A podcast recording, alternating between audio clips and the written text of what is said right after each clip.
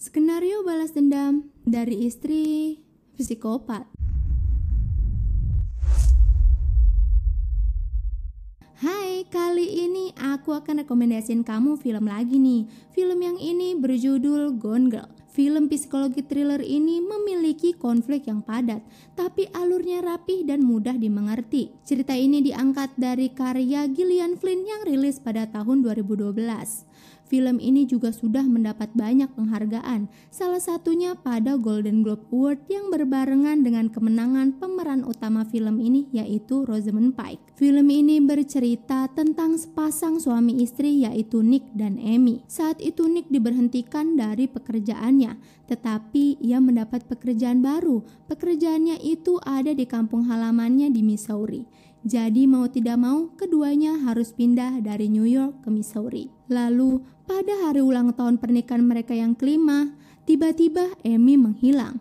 Nick melaporkannya pada polisi. Setelah diinvestigasi, hasil penyelidikan malah membuat Nick dituduh sebagai pembunuh istrinya sendiri.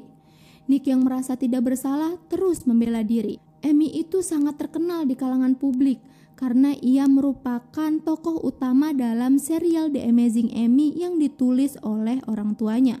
Karena itulah berita hilangnya Amy dan berita Nick yang dituduh sebagai pembunuh istrinya tuh menyebar ke publik. Nick benar-benar digencat oleh polisi dan publik. Banyak orang yang ingin tahu tentang kasus ini. Sampai-sampai di depan rumah Nick tuh ada banyak banget orang. Ada wartawan, ada juga para pendukung Emmy. Nick dibuat terpojok sampai depresi. Bahkan acara-acara TV tuh banyak yang ngundang Nick untuk diwawancarai. Nick terus menyatakan kalau dia tuh gak ngebunuh istrinya. Tapi bukti-bukti kepolisian terus membuat Nick menjadi semakin bersalah.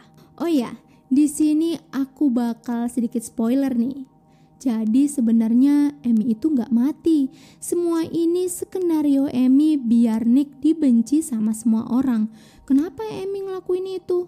Semua itu karena Emmy tahu kalau Nick selingkuh sama anak muridnya sendiri. Kacau gak tuh? Nanti di ujung film Emmy bakal datang dengan keadaan yang dramatis banget. Seluruh tubuhnya penuh darah. Dan di depan rumahnya tuh kan lagi ada banyak orang ya ada wartawan, juga ada orang-orang pendukung Emmy. Jadi Emmy tuh datang dengan keadaan tertatih-tatih. Dia tuh acting gitu loh, dengan tertatih-tatih, penuh darah. Kan buat itu ya buat atensi publik ya. Emang si Emmy ini tuh pinter banget bikin perhatian publik. Nanti kita juga bakal dikasih tahu skenario Emmy dan cara dia mengeksekusinya. Pas nonton bagian ini, aku tuh jadi mikir kayak Wah, ini perempuan pinter banget sih, tapi serem. Skenario balas dendam Emmy tuh rapi banget, sampai-sampai nggak ada yang tahu kalau ini tuh rencana Emmy. Yang tahu cuma Nick, tapi Nick nggak bisa apa-apa. Nick nggak bisa memberitahu kebenarannya karena udah nggak ada yang percaya sama Nick. Bahkan Nick tuh nggak bisa pergi dari Emmy karena kalau dia pergi dari Emmy bisa-bisa Nick diamuk publik kan. Di sini acting Rosamund Pike tuh gila banget. Dia tuh gesturnya tuh lembut, anggun, tapi dari tatapan matanya, cara bicaranya, kita yang ngelihatnya tuh dibikin merinding. Bahkan jadi mikir, wah nih perempuan benar-benar psikopat nih. Terima kasih sudah nonton video ini sampai habis. Bye.